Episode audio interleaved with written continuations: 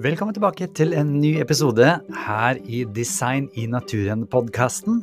Jeg heter Chris Duve, og jeg vil bare minne deg på at du kan ta hele kurset her helt gratis med 38 forskjellige eh, informasjonsvideoer som da er lagd en podkast ut av, hvis du går inn på chrisduve.no og klikker deg inn på Design i naturen-kurset.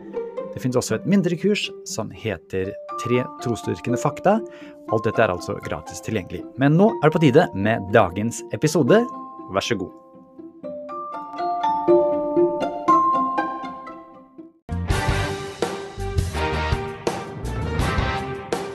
Welcome back, uh, Dr. Douglas X, to our last and final session. Good to be back. so, we're looking now to go to some conclusions about the stuff that we found out. And, you know, evolution has a pretty strong explanation in our, our textbooks, a strong story, as, as you mentioned as well in earlier sessions, where randomness and chemical attraction is making stuff because it gets selected. But on the other hand, you've got the design story, uh, which I think you favor. And I think you would say that the chemistry uh, that goes in, this, in the cell uh, looks designed.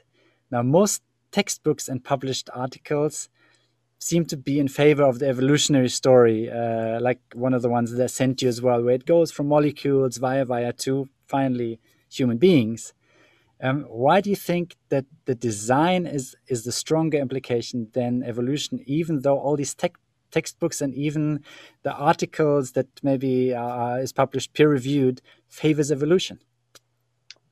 Um, I can answer that, but uh, uh, you, we could also flip this and say, why do I think everyone favors evolution when I think the design uh, reality is more obvious? So, one of the things that I say in my book is that by age four, we all know that life is designed. When you look at a butterfly, children, even if they're brought up by an atheist, this has been admitted by atheists, children who are brought up in atheist households still, when they look outside and they look at a butterfly or a ladybug, they think of it as something that was made by a godlike designer. And then that has to be educated out of it. So there's two different ways we could approach this question. Why do people deny design? And that would explain why, even in the sciences, they they deny design, and why all the textbooks are denying design. Or why do I insist that design is true? And we can we can talk about both of them because they're both interesting. Um, we've already gone through the reasoning for alphabet soup of why why is it or how is it that a young person who doesn't know how to do math, doesn't have a calculator, can look at something and know that someone did it. And I've argued, and we started with alphabet soup, putting a grid, grid of squares on five letter words spelled out in soup, that that same kind of approach can be used on much, much more complex things like living things, like human beings. And when we do that, we see you get much more scary numbers out of the probability for something to happen by accident when we're looking at life, even than we did when we were looking at simple word spelled in alphabet soup. And in the one case, we all agree nobody thinks that this would happen by accident, and we can put a number on it. On the other case, you can put a number on it, and I have put numbers on it, but it's very hard to get people to say, uh, you're right, this did not happen by accident, even though they admit that in an early age, we all know that to be true. So I say, I'm just siding with the four year olds. That's all I'm doing. I'm just saying, you know, that thing that we all knew to be true, and we can show that the reasoning, the, the sort of basic intuition is correct. I'm sticking with that. I think it actually works. And everything that I've done in the lab or using mathematics has confirmed that what the four-year-old sees in the case of life being designed, it's actually true. So not only is it universal, we all see it. And I actually think this is this. I'm going to be a little bit controversial here. I even think that people who are denying this know the truth. So the people who say God doesn't exist and life happened by accident, I think deep down they know they're lying. they they believe the opposite of what they're saying, but they have a reason for saying what they're saying. Actually, James so, alluded to some of that. Yeah. Yes, people come to his office that are Nobel Prize winners, and he says, "How did evolution build this?" And they go, "Jim, don't say a word. Don't say a word." So, yeah, so it like seems like the United Front breaks I'm down. say this publicly, but we all all atheists doubt their atheism. And I'm giving them credit for saying they're smart enough hmm. to doubt their own atheism. They have to because it doesn't hold up. Now, uh, in your uh, chapter in this book called Theistic Evolution, you ask us to do two things, and one some one of them you already mentioned. Um, one is to uh, actually check whether um, Darwinism is true. Check, you know, look at reality and see how things came together. Is it designed or is it by accident?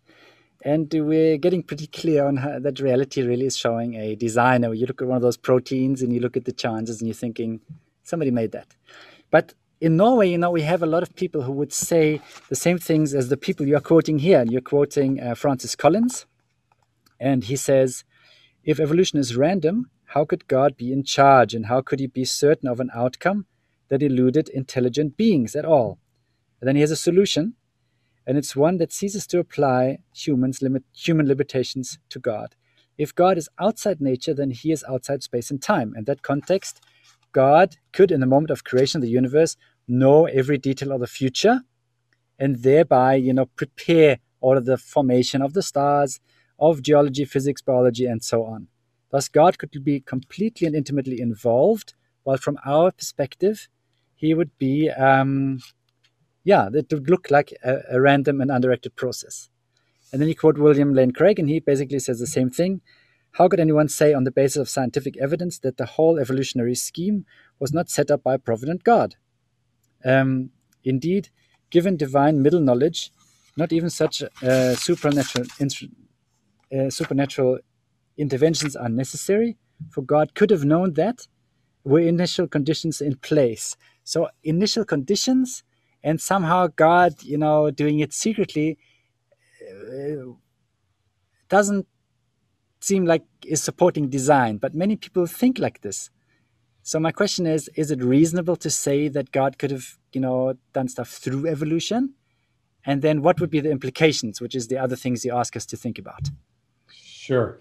So I think both, and I respect these people, by the way. Um, and I've met both Francis Collins and I, and I know William Lane Craig. And I know many, many other people who take this theistic evolution position, and I do respect them, and I'm not questioning the sincerity of their faith. So I just want to get that out there. I think they are equivocating here. And in those two quotes from Collins and Craig, what they're saying is um, Is it possible for an intelligent or even an omniscient agent to do something um, such that the outcome was actually intended? But when we look at it, not having seen the process, we wouldn't necessarily be able to discern that. And I think um, in that article that you were that you were picking up there, I give an example where I do like a gibberish collection of characters that I carefully hand selected, and then I do, I use uh, I think it was radio noise yeah, to generate another gibberish, and then I have a quote from Job. I think so. I have these three um, sequences of characters, and I say this is like what they're saying.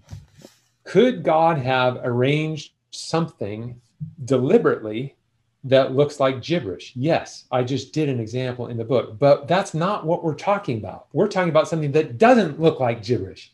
So they're equivocating. Yes, it's possible for an intelligence to imitate unintelligence, but that doesn't give you life. That doesn't give you things that are extraordinary. So they're they're they're they're deliberately clouding the issue. The point about life is that it can't have happened by accident. So it's totally irrelevant that intelligent agents can imitate randomness. Of course they can. The point is, life is not random. It doesn't look anything like randomness. And unintelligent causes cannot produce the products of intelligence. So that's why when we look at life, for all the reasons we've already discussed, we're correct. You don't have to do a technical mathematical probabilistic argument. The four-year-olds don't do that, but they're absolutely correct. And when we apply those technical, um, that technical lens to life, we confirm the four-year-old is correct. You cannot get these things without um, knowing what you're doing in order to specify all the little things that have to be arranged just so in order for the big thing to work. I mean, in one way, I understand also. Uh, one thing is the sincerity of people's faith, which which also I don't question.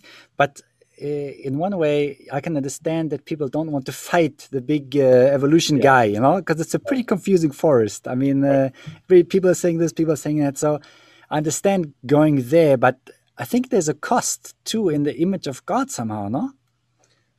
Yeah, there's a huge cost. So I and I want to be careful about. Um, I've spoken about atheists and said, well, I don't believe this is Romans one. I don't believe there are genuine people who genuinely are certain in their soul that God's not there. I think it's the opposite. They know He's there and they don't want Him to be there, and so they become atheists, and then they set up all these things to try to justify their atheism there could be wrong motives behind theistic evolution, but I don't want to, you know, label particular people and say this is why you're doing this.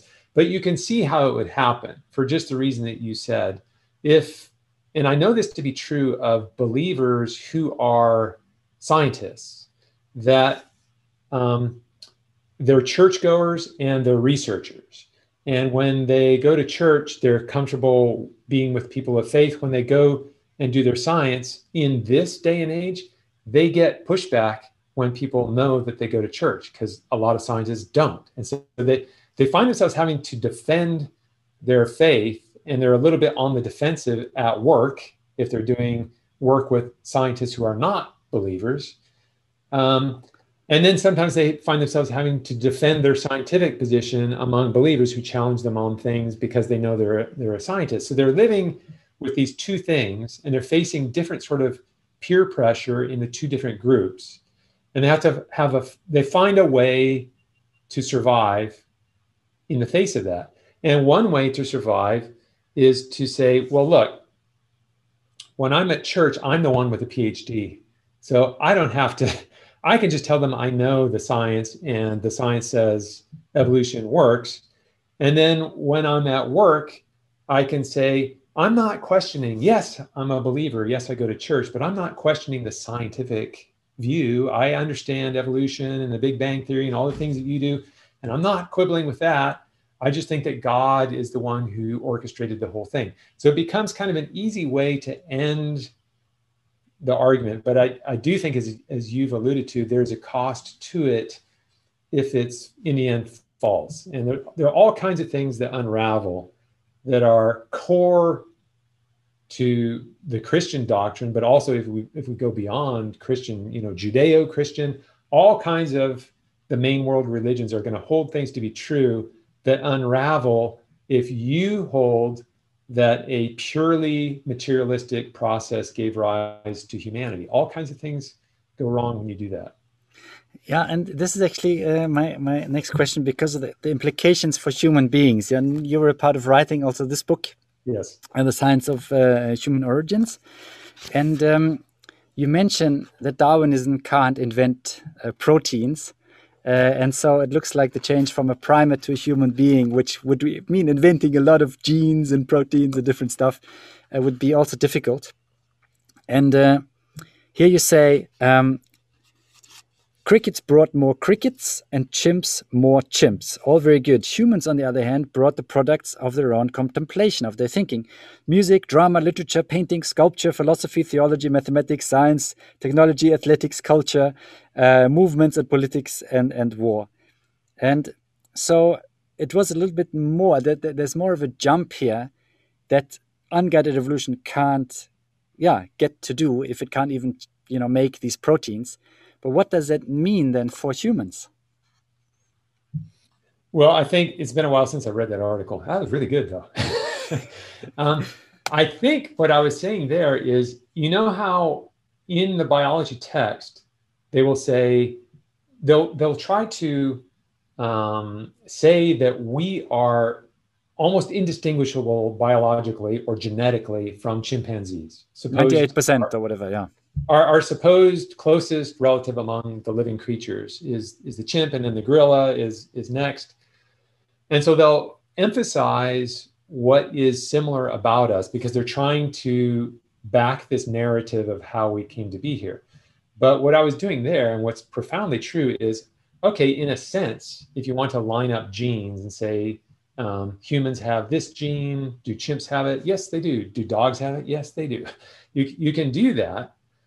But there's another sense where if you back up and say, no, just forget about genes, for, forget about reductionism, which is where you're trying to take the big thing and reduce it to its constituent chemical elements, and just look at the big thing and what it does. By big thing here, I mean look at these different uh, species, if you will. Homo sapiens is here. Uh, pan, that's chimp, is here. Gorillas here. And I'd mentioned crickets there. You could go dogs, crickets, gophers, whatever you want, fish. Really, when you look at this big picture, there's one species that stands dramatically apart from all of the other created order, and that's Homo sapiens. We we have gone into the world and sometimes for better, sometimes for worse, utterly transformed the world. We utterly dominate over all the other species. We do with them as we please, for better or for worse. We utterly transform the landscape. We put up skyscrapers. We tame the oceans. We cut channels through the continents. No other species does anything remotely similar. And in that sense, chimp is really actually more like mouse and cricket. Okay. Because crickets, what do they do? They eat, they make noises, they find mates, they breed, they bring up the next generation. That's what chimps do. Okay. And they, they're more clever in some of the things that they do. But at the end of the day, they're eating, they're fighting, they're breeding, and that's chimps. It's it's really all of the other animals are over here doing their animal thing that they all do, and we're way over here, totally, totally radically different. Yes, we do those biological things, but they're almost like nothing to us. Eating is is not. If anyone gets to the end of their life and say, "What's the greatest thing I did? I ate," you didn't live a life. You didn't live a human life. But that's going to be true of the chimp and true of the cricket. I think that's what I was saying there. And does it make a difference when it comes to the value? I mean, a lot of people that, at least the way I see it, when this story uh, kind of makes me, that is in the biology book, makes me a little bit sad too, because when I see images of, uh, you know, humans being equal to plants almost, then when you look at around yourself and that's how you feel you are you're, you're worth basically just a bunch of coincidences then uh, yeah it makes me think do you remember that young man who uh, who crashed his plane into the alps with all these people he, he locked himself into the cockpit of a boeing i think yes. and he went down and i'm thinking if he would have believed that he was created especially as a human being it would have been a different story what do you think about that yeah, it's a, it's a pretty um, the Darwinian view, if taken seriously, or the naturalistic view, if taken seriously, we are alone. Um, there was no intent behind us, behind our existence. A series of physical, natural events, some of them seemingly random, brought together a, a series of reactions that ended up so far producing us and we're not the end of it. It keeps going and we might go extinct and the sun will burn out and, and that's the end of everything. There's no meaning behind anything. There's no purpose. There's no right and wrong. That's a very bleak view of human existence. And it contradicts everything we know in our gut because um, one of the things you deny if you believe that is free will you, you deny our ability to look at a situation process it and think, what am I going to do with this? Okay, but we all know that we have this. We all know that we do this. But that itself, the notion that we are contemplators who decide how we act, totally contradicts this material picture of humanity because chemicals don't have a free will. Chemicals don't decide what they're going to do. It's just a gamish of physics, doing physics. We rise above that, and we know we rise above that. But if we tell ourselves a lie long enough and we start to believe it, it, it would give us a very hopeless um, picture of life for sure.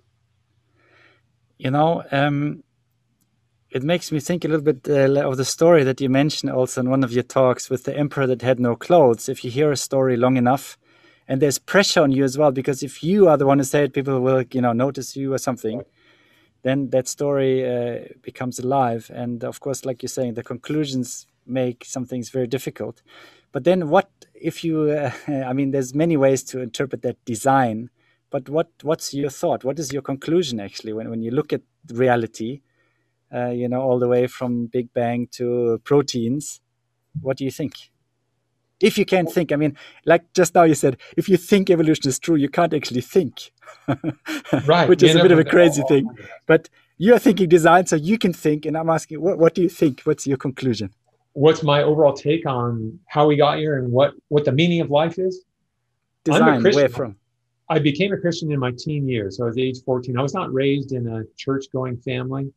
Um, but in my high school years in the us the preparation to go to university is the four years of, of high school. That's when I became, when I came to faith and I started to have this pictured reality that I get from scripture that I started to take seriously because I was reading the Bible and a pictured reality that I was getting as a student. I was at UC Berkeley, which is a, not at all a Christian school, um, and studying chemical engineering. And I saw these, these I saw a clash of these worldviews. I loved science. I loved learning about the world, but when when a view of teaching science includes this philosophical view of humanity, I thought this they're not speaking actually as scientists here. They're speaking like philosophers, and they don't seem to be even taking very seriously the implications of their own philosophy. Because what I've just said is that atheism, in one sense, is a truly hopeless, depressing philosophy of life but you and I know atheists who don't live that way at all. They they're very hopeful. They have families. They you know they go on vacation. They write books. They get money, and they seem as though they don't actually believe.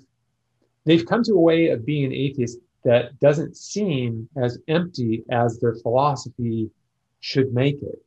And that I think is true of, of all atheists. They're actually carving out meaning but they don't want God to be at the core of their meaning. They really want to define their own purposes without having to answer to a God who made them.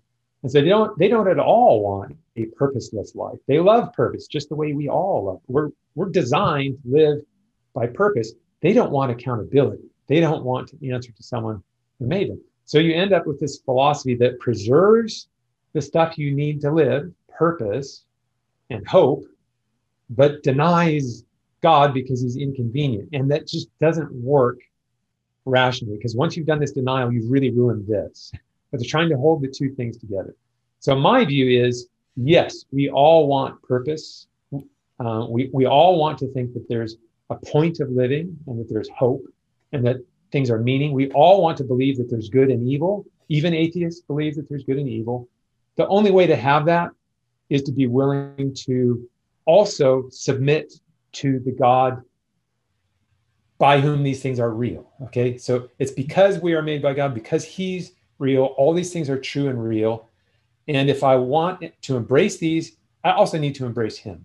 And that means I need to look to Him as the one who declares um, my purpose, declares my meaning. And I need to be willing to put my own desires aside and say, okay, I see who you are um, you're over me. I'm willing to let go of some things that I love or things that are the direction that I would take my life if it's just about me. It's not just about me. And that sounds like a sacrifice to a lot of people and to a lot of atheists it does. And I think that's what drives atheism. In the end, what you get by doing that is so much more beautiful and so much more f- profound because this thing that you think is so important in life, it becomes affirmed as being important. And if hope and purpose are the things that drive us as humans, to have hope and purpose affirmed and all the worst things about your worst fears, there's an answer to them. You don't have to sort of make up answers. There's a true answer to these things, and that comes in the gospel. So that's how I view reality. I have a lot of empathy and sympathy for people who are atheists, who go a different direction, because I think in the end, we're all really after the same sorts of things. It's just, um, can you acknowledge the giver of all these good things and understand that although it seems like you give something up, when you do acknowledge that, you actually gain everything by doing that. Yeah, I think that is an interesting journey because um, you had kind of a personal meeting with God and and uh, started to believe the Bible basically before you knew that science anyway would back it up. Then you meet science that actually was against kind of your biblical worldview. And so it was a, maybe a little bit of science, like Francis Bacon, I think he says, if you do a little bit of science, it drives you away from God. If you do a lot of science, it pulls you back to God. Yeah, so there's something interesting about that. It's really more the science culture. There was nothing I saw in ah. science itself okay. that took me from God, but I could see all these scientists are thinking that way. So it's really, if you step into the culture, you're going to get sort of this atheistic, naturalistic philosophy. Not all scientists are thinking this way, but it's kind of in the air you breathe if you get into academic science. And so you have to decide, am I going to breathe that air or am I going to speak against it?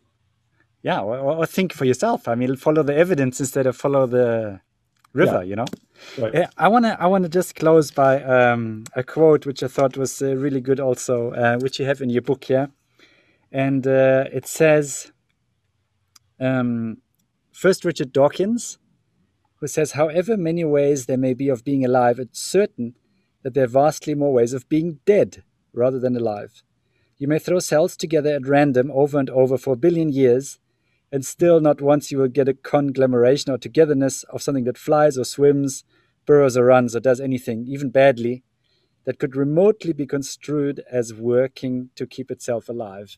So that's somehow the evolutionists saying themselves that things don't add up. But you say, if an innovation as modest as pizza will never be made accidentally, then for mind blowing, spectacular inventions like hummingbirds to dolphins to happen by accident is completely out of the question. Thank you so much for your time, Dr. Douglas Axe, and for, for sharing with us. And I hope many people will also buy what you've shown us through the soup and the proteins and discussing life that there really is a designer and that uh, it's very probable that he can be the God of the Bible. Thank you very much. Thank you.